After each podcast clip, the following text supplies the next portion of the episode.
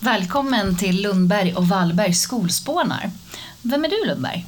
Sara Lundberg, verksamhetsutvecklare på Uppsala grundskolor, legitimerad lärare och tidigare rektor. Och jag heter Linda Wallberg eh, och jag jobbar som digital handledare i Uppsala grundskolor och jag är även legitimerad lärare.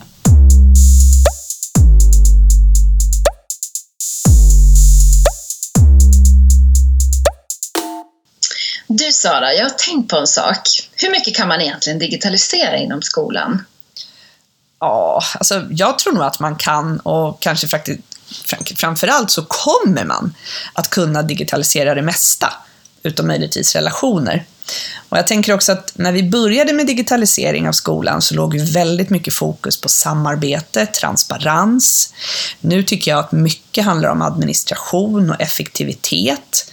Men vi vet ju också att man gör tester till exempel inom rekrytering, transportbranschen går framåt. Så att eh, om man får använda ett slitet uttryck, det är nog bara fantasin som sätter gränserna. Alltså det är nämligen så här att jag har en tanke om att kunna digitalisera skolmaten. Och syftet med det, det skulle alltså vara att bli mer medveten vad maten eh, man väljer i matsalen har för påverkan på klimatet. Aha, men hur skulle det fungera menar du? Jo, men så här. Alltså att man har någon form av digitalt verktyg som visar hur mycket växthusgaser man, maten man väljer släpper ut genom produktionen av just det livsmedlet som man väljer. Och jag tänker att det här skulle bidra till att eleverna ges förutsättning att göra mer medvetna val av skolmaten. Oh, det låter ju vansinnigt spännande. Jag tror också faktiskt att många av våra elever vill göra medvetna val och att den yngre, yngre generationen både är mer medveten än vad vi kanske tror. Ja, alltså en, en tredjedel av ett hushålls klimatpåverkan kommer från maten och främst då från animalier. Och det är faktiskt så att det spelar större roll vad vi äter än varifrån maten kommer. Mm.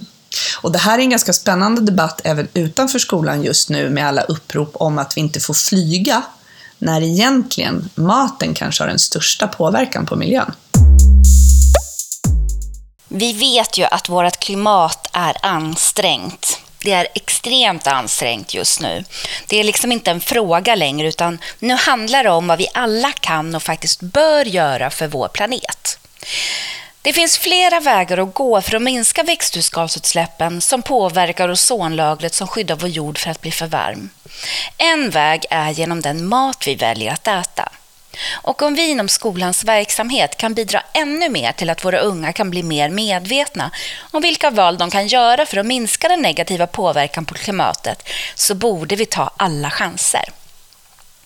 Världsnaturfonden, WWF, har tagit fram ett digitalt verktyg där man kan skriva i vad ens måltid innehåller och så beräknar den växthusgasutsläppen för just den måltiden. Och det är från det här verktyget som jag har inspirerats och det jag ser framför mig är ett verktyg som visar för eleven vad de olika komponenterna som eleven väljer att äta till lunch har för påverkan på klimatet. Och för att vi ska kunna leva upp till Parisavtalet som slår fast att den globala temperaturökningen ska hållas under två grader och att man ska sträva efter att begränsa den till en och en halv grader så behöver vi alla göra någonting nu. Och beräkningar har gjorts och vad man som privatperson kan göra för att bidra till detta genom den mat vi äter, det är att hålla sig under 11 kilo växthusgasutsläpp per vecka. Och det innebär att en lunch inte bör överstiga 0,5 kilo växthusgasutsläpp. Och just nu så ligger en medelsvensk måltid på ungefär 2 kilo. Och jag kan verkligen rekommendera det här verktyget. Googla på matkalkylatorn och testa själva så får ni se. Men hur det här skulle kunna fungera i praktiken i en skolmatsal, alltså det vet inte jag. Men jag tänker att vi måste låta oss inspireras. Och för att bolla vidare mina tankar och funderingar med någon som har superkoll på skolmat så ringde jag upp Henrik Ljungblom, rektor på Nannaskolan, som två år i rad har vunnit priset för bästa skolmat i Sverige.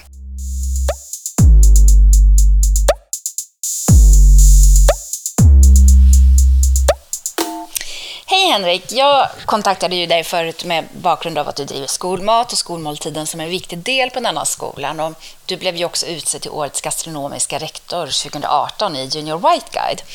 Och jag skulle vilja höra lite mer om varför du gillade den här idén som jag delade med dig.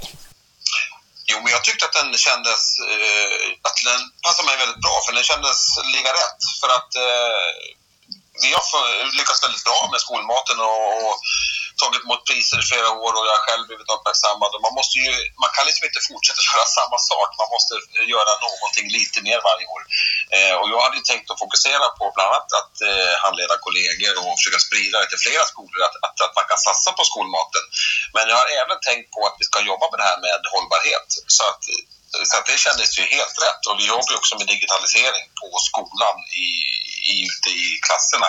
Mm. Så digitalisering och eh, hållbarhet och kopplat till skolmat, skolmaten, det är ju helt rätt. Ja, vad kul att höra Henrik att det är någonting som du är positiv till och ser liksom att det här skulle kunna vara nästa steg. Eh, har ni jobbat någonting hittills med hållbarhet i köket och hur ser det ut hos er just nu? Ja, men det, det, det, har vi, det har vi gjort egentligen hela tiden. Eh, det har ju varit en sån sak. Vi har ju bland annat en digital våg, eh, som, eller en digital, det är en digitala siffror. Eh, mm. det är en vanlig våg som väger maten som kastas varje dag och det är så att vi liksom registrerar hela tiden vad som, vad som kastas mm. och vi försöker ha lite tävlingar och sånt där. Men det är ju väldigt analogt. Det är ju mm. liksom hands-on, att man ser hur mycket man kastar och man försöker på något sätt få eleverna att förstå att det har betydelse. Mm. Men, men, men eh, det här blir ju liksom eh, nästa steg. Ja, tack Henrik för det och jag tänker att vi har anledning att återkomma till varandra och bolla idéer och tankar och vad vi helt enkelt kan hitta för vägar fram i det här. Det ska bli jätteroligt.